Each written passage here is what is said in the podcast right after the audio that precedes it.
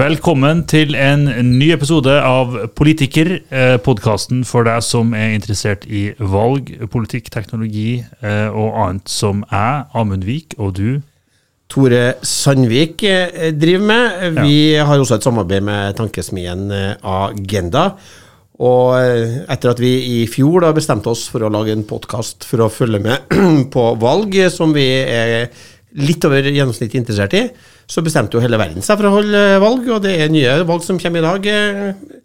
Overalt, både lokale og nasjonale. Vi konsentrerer oss jo egentlig om de nasjonale valgene, presidentvalgene, parlamentsvalgene. Men vi må også pirke litt nedi noen som er litt mer lokalt eh, knytta til nasjonal eh, oppmerksomhet da, i Storbritannia annet. I Storbritannia men det er jo, vi heller oss jo ikke for gode for uh, å ikke uh, også kommentere lokalpolitikk der det er aktuelt. Vi har allerede bebuda at vi skal innom den tyske lokalpolitikken i løpet av denne våren. Det er jo en rekke valg nå i løpet av mars-april. Noen skal vi snakke om i dag. Vi skal så vidt innom Portugal. Eh, og så er det jo en, en rekke valg som må eh, settes i hermetegn, som er litt vanskelig i dette podkastformatet å riktig formidle. Men det er valg i Russland 17.3. Der er det rimelig klart hvem som kommer til å stikke av med seieren. Eh, det planlegges for valg. Eh, det skulle egentlig vært avholdt nå snart i, i Nord-Korea. Det har blitt eh, utsatt med kjent til lite forklaring. Men det er også der knytta veldig lite og uh, spenning til hvem som uh, stikker av med, med, seieren. Men så skal vi også innom valget i Iran, hvor det er noe mer spenning eh, knytta til selve sammensetningen av parlamentet, men hva de får lov til å drive med og mene og bestemme, er det vel knytta mindre spenning til. Men først i dag så skal vi til et heidundrende by-election i Rochdale i Storbritannia. Og der er det altså et persongalleri som stiller til valg, som har fått eh, observatører som oss til å tørt antyde at det er nok vanskelig å trekke brede slutninger pga. dette valget om hva som kommer til å skje i, eh, i general election som skal holdes i år. Ja, for uh, Labour har jo gjort det helt ekstremt godt i de by-electionene som har vært til nå. De har, har gjort store slem. og Eh, på en måte bekrefta det som alle som er mistanke, at her går det mot eh, landslide eh, for Labour. Noen har snakka om at det kanskje skal overgå Tony Blair sitt, sitt landslide når han tok makta første gangen. Men akkurat nå så er man litt redd for at momentumet skal ramle litt bort. For det er ikke sikkert at du får en streak på det valget her, Omen. Nei, det er ikke sikkert man får en streak, og det er ikke sikkert i den grad uh, altså Det er rett og slett, etter å ha lest om dette uh, by-elections-valget nå, litt vanskelig å, uh, å, forstå hvem, om noen, som kan vinne dette valget. for det er også her, De sentrale personene i dette valget her er da Asar Ali, som opprinnelig var fra uh, Labour, men som Labour har uh, tatt avstand fra uh, fordi han kom med konspirasjonsteorier om at Israel var ansvarlig for terrorangrepet uh, 7.10. Og en rekke andre uh, uttalelser som ligger i den støtende leia. Så er det George Galloway, som stiller som eh, for et eh, eget småparti, som er jo en kjent figur på venstresida, må være lov til å si. Han hadde en, et blaff av storhetstid som motdebattant for Christopher Hitchens og andre, i en sånn, og som en veldig tydelig kritiker av Blair og Irak-krigen. Og har vært Labour, har blitt kasta ut av Labour, han òg. 2003 ble den kasta ut. Eh, og er jo, selv eh, på norsk venstreside, eh, har jeg jo eh, møtt på mennesker som syns at han er bra. Personlig eh, ville jeg nok putta han mer liksom, i crackpot-kategorien. Men det som ingen kan ta fra han, er at han er, han er Eh, han er en veldig polariserende figur, men han er flink til å, å, prate for seg. Ufattelig flink til å prate for seg. Det er jo en helt legendarisk sånn, eh, sånn opptak av når han ble beskyldt av og innkalt til den amerikanske kongressen for å være beskyldt for å ha mottatt penger fra Irak mens de da var under eh, boikott fra FN. Nå har han sterkt benekta, men han benytta jo anledninga til å filleriste da amerikansk politikk med alle kunstens retoriske evner. Eh, Og han er jo Han er jo, kunne vært prosecutor. Han er jo en helt ekstremt dyktig retoriker. Eh, morsomt å, å, høre på. Eh, men eh, det er vel ikke noe stor stemning eh, i Labour for at han kan komme til å ta plass i, i parlamentet. Og, og ja. det, kanskje, det kan tenkes at, at eh, de som bor i Rochdale, da, eh, i hvert fall en del av motstanderne hans, er jo litt misfornøyd med at han Galloway, som starta sin karriere i Labour da, fra Glasgow, holdt inn.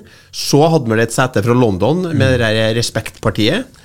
Og nå stiller han da i, i Rochdale.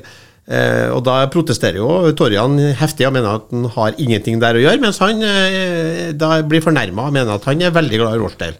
Men det er flere kandidater der òg? Det er flere kandidater, og ingen av de eh, er så vidt jeg kan forstå meget populære i Rochdale. Uh, og bare for å si det med han godeste Galloway, så det han, uh, det han på en måte henter inn i oratoriske gaver, uh, gir han jo litt tilbake i, i litt vel lite fargesyn når det gjelder uh, ulike regimers uh, relative verdier rundt omkring i, i, verden, og hvem man støtter og ikke støtter og stiller på TV for og, og ikke stiller på TV for. Men De Grønne stiller også med en kandidat. Uh, Otten heter han. Eh, han har De Grønne også tatt avstand fra, eh, og ikke å se på som en offisiell kandidat fra De Grønne, eh, som følge også av kommentarer rundt islam, Israel-Palestina-konflikten. Så for å gjøre det komplett, så stiller altså Reform UK, som er arvtakeren til dette brexit-party, som er Nigel Farages foreløpig liksom, parti, da. Det er en fyr som heter Simon Dansuk. Han var tidligere Labour-representant. Han mista jobben som Labour-kandidat fordi han i sin tid da sendte slibrige tekstmeldinger til tenåringsjenter. Så oppi dette, alle disse individene her har, ligger, har jo brukt og kommer til å bruke kampanjen til å snakke om eh, Gaza, eh, som er et veldig eh, viktig tema i eh, Mange muslimer i, i denne valgkretsen, og men, Galloway er veldig ja. sterk palestinavenn. Han er jo det, eh, men det disse stakkarene som bor her, har lyst til å snakke om, er eh, etter eh, alt å dømme levekårsutfordringer, ulikhet, at det begynner å bli vel dyrt å ha lån og betale for det i butikken. Kriminalitet og slikt som, som man ellers sliter med. Det er det lite som tyder på at de får i denne valgkampen, men summen av dette er at det er både vanskelig å si hvem som skal vinne, det er vanskelig å si helt hvem man vil at skal vinne. Og eh, det er nok ikke sånn at Keir Starmers gjeng kommer til å være megafornøyd uansett utfall av, denne, av dette valget her, da. Nei, og det var så jeg leste en reportasje som også antydet at det kunne tenkes at det ble litt valg, lav valgdeltakelse ja. den gangen her. Ja. Så, så, her har man jo også et utslag av uh, First Best Post-systemet eh, i all sin glory, som man ville sagt i, i Storbritannia, hvor det må sies å være litt blanda drops Litt blanda drops. Men det har vært flere valg. Det har vært et tullevalg i Belarus, der bare partier som har sverga troskap til presidenten, uh, fikk lov til å stille. Og uh, jeg har ikke fått med meg hvem som vant. Det spiller jo ingen drille hvem det var. Uh, og så nevnte du det, har, det er også valg i, i, i, Iran. Der er det da valg til parlamentet, eller Mailis som det kalles. Det er, har da lovgivende makt, men det sitter bare folk der som er utvalgt og godkjent av eh, Vokterrådet og eh, Forsamlingen for lederskapets ekspertise, altså ekspertforsamlinga, som da godkjenner alle kandidater. Det er jo et land som eh, har en ayatollah som da eh, velges eh, litt sånn som paven. Uh, utvalgt av en eller andre. Det er jo en religiøs uh, leder. Og så har du da ekspertforsamlinga som nevnt. Så har du folkevalgt president. Uh, men også den folkevalgte presidenten må holde seg inn med ayatollahen og vokterrådet og ekspertutvalget. Så her er det lite spenning på, på gang.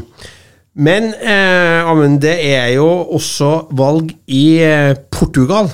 I Portugal er det valg. Der er det jo, har vi jo vært eh, Vi har jo på, i podkasten vært innom den politiske situasjonen i Portugal. Der gikk jo eh, hvor eh, en kjenning av podden eh, tidligere, statsministeren i Portugal, gikk jo av i en eh, villen sky eh, som følge av en korrupsjonsskandale som involverte en av hans eh, beste venner. Jeg tror ikke han sjøl er, er, tatt for noe. Nei. Han er mistenkt, kanskje, men hans barndomsvenn Ja. Og nære politiske medarbeider, han røyk i Han røyk. korrupsjonsskandale. Ja, og vi kan jo uh, vi kan i hvert fall konstatere at etter hans nære barndomsvenn røyk i en korrupsjonsskandale, så gikk det veldig få minutter før uh, han også eh, gikk av av egen frivillige. Uh, så i hvert fall ikke heldig. Ikke heldig. og Jeg bare minner litt om altså Portugal. Vi glemmer jo litt av det, sånn som vi alle som fer- ferierer både i Spania, som hadde diktatur helt opp til 70-tallet. Portugal også, eh, styrt av eh, var militærdiktatur fram til eh, Nellik-revolusjonen, altså i 74, da militæret eh, var litt lei av, eh, av militæret. eh, Og alle kolonikrigene som ødsla med penger, og det var dårlig stilt eh, i hjemlandet. Så det var et, et fredelig, fredelig kupp, eh, Nellik-revolusjonen, fordi at eh, folket strømma ut i gatene og putta Nellika i geværløpene. Eh, og i 76 fikk de da ny grunnlov og har vært demokrati siden. Eh, det har jo vært et eh, Han Costa har jo vært en veldig populær statsminister, helt til noen oppdaga at han har litt for lange fingre, han barndomskompisen. Så nå er det jo valg, og det er vel tre partier det står mellom. Litt forvirrende navn for oss uh, i den norske partifloraen på, på to av dem, i hvert fall. Eller hvem som er hvem. Det er jo det, for det er jo da uh, PSD, eh, som eh, oversettes da formelt til Social Democratic Party, som er høyrepartiet. Eh, så er det PS, eh, som er sosialistpartiet, som er Arbeiderpartiet, altså som er på en måte vår, vårt partis eh, mot, motpart i, i, i Portugal. Og Costa sitt parti. og Costa sitt parti, som er dem vi heier på da, i denne konkurransen. Og så er det et parti som rett og slett heter NOK, Enough, eller da uh, Chega uh, på lokalspråket. Det er de tre partiene som konkurrerer om å ha tosifra uh, oppslutning. Akkurat nå, eller per 21.2, så ligger uh, dette PSD, høyrepartiet, uh, an til å bli snaut størst, med 31 mot PS sine 29, eh, og NOK da, på 17. Eh, Men det er veldig veldig nært mellom de to eh, største her, altså mellom Høyrepartiet og, og PS. Eh, så det spekuleres jo i at det går an å, å bli størst. Men det er jo den tradisjonelle sagaen om ytterliggående høyrepopulister og de mer moderate høyrepartiene som gjør at det er vel også grunn til å tro at PSD og, og NOK da, kan på et tidspunkt finne, finne sammen og danne et form for flertall. For de neste partiene på lista er jo en haug av de, men de er da på 6 og, og mindre. Ja, eh, og, og eh, bare for forrige valg så vant jo Kosta fikk, eh, fikk flertall. Mm. Blant annet fordi at de trua med at eh, Chega kunne komme eh, til makta. Eh, og det var jo eh, i januar 2022, eh, så det er ikke så lenge siden. Eh, så det her er jo nok et av de landene der du får, eh, som man sier, som faller også noe Portugal. Eh, Det berga jo i Spania. Vox fikk ikke innflytelse fordi Sanchez klarte å vinne valget med snedige manøvrer og en imponerende valgkamp og, og runde etterpå. Men nå er Skjega da blitt så stor. De er rett under 20 Så er spørsmålet da om eh, sosialdemokratene, som er høyrepartiet, greier å holde seg unna og slippe dem inn. Eh, eh, sånn at de eventuelt lager en avtale som du har i Sverige. Jeg tror Chega har sagt at de ikke kommer til å støtte en regjering de ikke er en del av. Det er jo liksom eh, det som var Fremskrittspartiets eh, krav også i Norge eh, som parlamentarisk eh, støttegrunnlag før de havna i regjering. Eh, Så det blir spennende å følge med på om også Portugal da går eh, den veien som gjør at eh, ytre høyrepopulistiske partier da får innflytelse i- over styringa av landet. Det blir det. Og så vet vi jo det at eh, Og vi har jo diskutert det her også i Eurasia Group, eh, om, om hvordan man skal håndtere den risikoen, eh, politiske risikoen som gir at ytterliggående høyrepartier blir, blir store. Og det er, det er viktig å huske at selv om, selv om det da skulle på en måte berge et, eh, et sosialdemokratisk styre i, i Portugal, så vil jo summen av moderat høyre og ytterliggående høyre være så stor at det vil være et sånn hele tida destabilisere politikken, sånn som vi så i, i Sverige under uh, Löfvens eh, regjeringstid, hvor det var et, et, si, et skyggeflertall i parlamentet med hvor Sverigedemokraterna inngikk, som gjorde at politikken ble liksom ustabil da, gjennom, gjennom hele perioden, selv om det var en regjering med en, med en annen farge. Så det, det er viktig å, å, holde et øye med eh, den samla oppslutningen til ytre høyre og si, indre høyre, hvis jeg kan si det. Eh, fordi det er en fristelse som ofte viser seg å være for stor eh, over tid for disse moderate høyrepartiene og samarbeide med, med mer ytterliggående krefter. Så er det jo som du sier at det her påvirker jo også politikken mm. til de mer moderate partiene. Mm som da ikke lar seg eh, være upåvirka av at uh, ytre høyrepartier uh, mm. får økende oppslutning. For i konkurransen med dem så flytter man også politikken. Vi ser det nå med Ursula von der Leyen, mm. som nå kjemper og har varsla at hun er kandidat til å fortsatt være kommisjonspresident.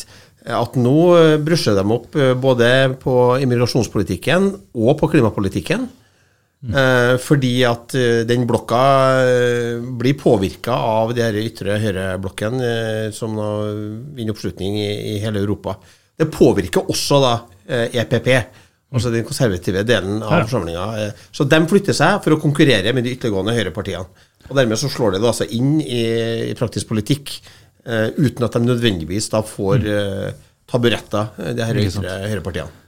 Ja, Det er viktig å ha med seg. og det er jo, eh, Von der Leyen eh, er jo i en situasjon at selv om det som, som vi eh, hos oss i hvert fall mener det kommer til å bli tilfellet at det fortsatt vil være et sentrumsorientert flertall i EU-parlamentet etter valget der nå i, juni, så vil det bli et veldig rotete flertall som gjør at Meloni bl.a. kommer til å ha en ganske stor innflytelse på hvem som blir kommisjonspresident eh, gjennom sin posisjon i, i rådet. Eh, også Orban kommer til å ha en, en, finger med i spillet, som er som en annen grunn til at man også vil, vil antageligvis se eh, von der Leyen eh, ute på ulike krumspring eh, for å, for å måte litt. Og så må man jo si også at det er jo, disse er jo politiske, eh, politiske partier, og velgerbevegelser er jo noe man må fange opp som politisk parti hvis man skal være stor. da. Eh, og en del av disse tingene i klimapolitikken kan vise seg å være eh, floke. Mange ja, steder. og Vi har jo også uh, lest en veldig interessant rapport som vi fikk tilsendt av venn av podden og en god venn av oss, Tarjei Skirbekk, med en gjennomgang av hvordan EU-parlamentsvalget kan komme til å gå. Mm. Som også hadde en veldig interessant oppsummering og oversikt over ulike ting som var vedtatt av parlamentet, mm. med små flertall som har stor innvirkning mm. både på klimapolitikken, på næringspolitikken, eh, ja, på de fleste politikkområder, eh, også for Norge. Eh, som kan være interessant hvis folk er nysgjerrige på å følge med på. for det kan tyde på at du kan få en litt annen tvist på en del saker og, og, lover som skal gjennom parlamentet i, i neste periode. ved at man da mister Man mister ikke flertallet. Det blir fortsatt være ganske solid med, med sosialdemokrater og, og Høyre. altså eh, kristendemokrater, eh, eller det som er moderate Høyre- og Venstrepartiet, solid flertall, men i og med at de partiene også påvirkes av ytterkreftene, og du får smalere flertall, eh, så, så, vil det ha, ha, betydning. Så den som følger tett det som kommer fra EU, anbefales å følge litt med på, på akkurat det også i, i neste periode.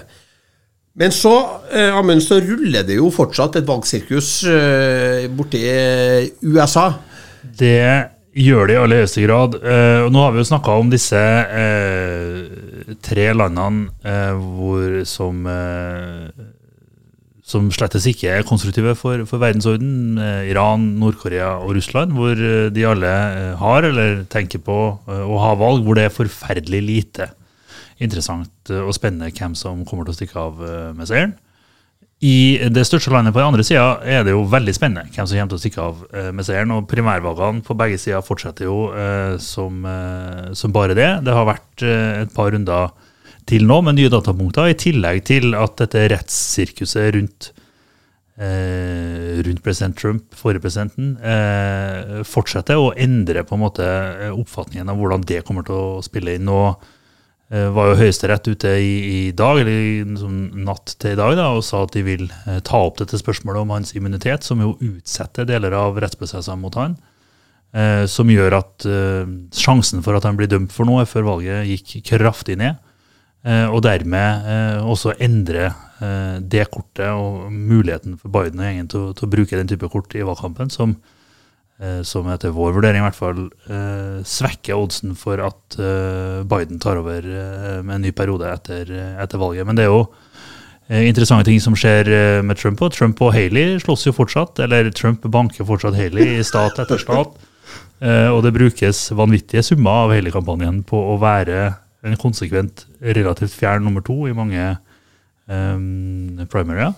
Ja. Så det blir spennende å se hva, hva hun har tenkt å finne på. Ja, og så er det sånn spørsmålet hvorfor gjør hun det her? Gjør hun det for at, uh, som vi var inne på, jeg som spekulerte Mm. høyt på, eh, for å bli en tredjekandidat, i og med at hun hadde dere Koch-brødrene i ryggen, som da er ekstremt reaksjonære folk med fryktelig mye penger, som elsker, eller som hater demokrater. eh, men som da mener at Trump er unelectable, så de har putta masse penger inn i hele kampanjen. De er nå ute av hennes kampanje, så det er lite trolig. Gjør hun det for at uh, hun tror at Trump da skal, sånn som du nå antyder at det ikke blir, da, bli dømt eller bli unelectable uh, før valget? Jeg hørte 538 hadde en podkast de sa at det, det kan jo skje, men det kan jo også skje det samme som mange frykter med Biden. At han rett og slett blir syk, mm. eller blir indisponibel, eller da går bort før valget. For han er jo også oppe i en høy alder og spiser usunt, selv om han drikker vel ikke. Eh, og noen lurer på gjør hun dette her for at hun skal posisjonere seg for at om Trump blir valgt, hvis han ikke blir valgt, så kan hun si ha-ha, hva sa jeg, jeg må være kandidat neste gang.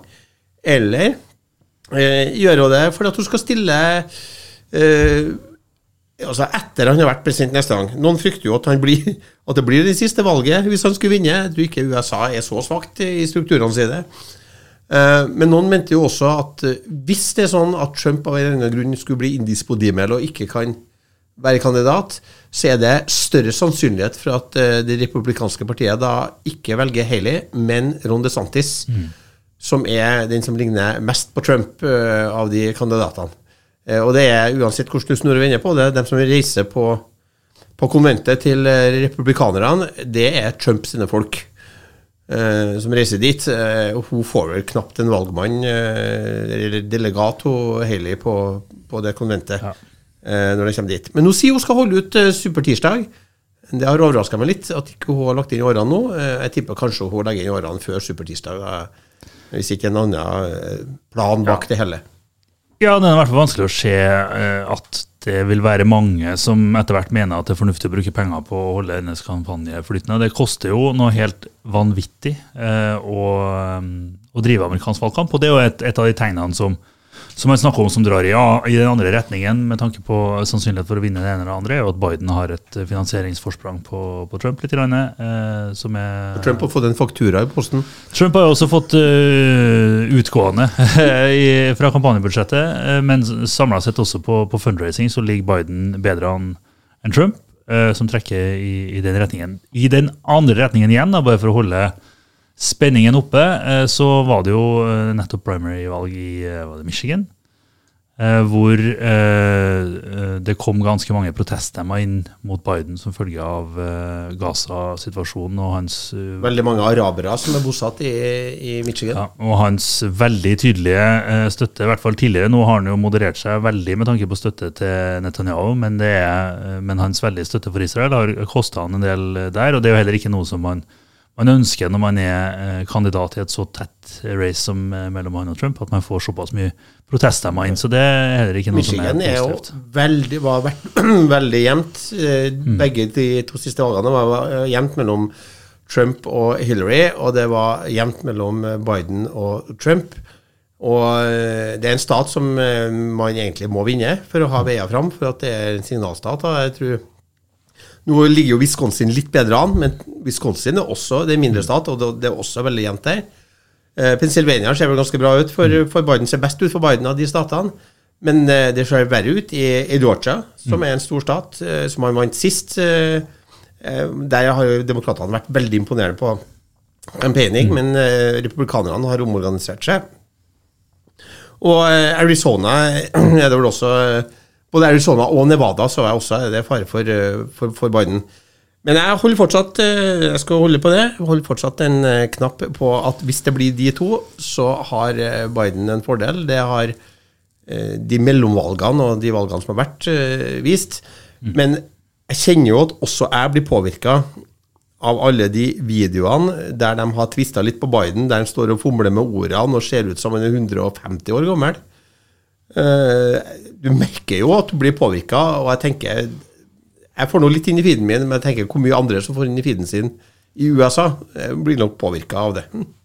Ja, og det, det, sier jo folk i, i målinger også. Det er jo en av grunnene til at Trump gjør det såpass bra i nasjonale målinger som han gjør nå, er jo at veldig mange er av den oppfatning at Biden er en altfor for gammel mann til å gjøre dette. Og det er jo, det er jo noe de har, og det, de har jo rett i det. Sant? Han er altfor gammel.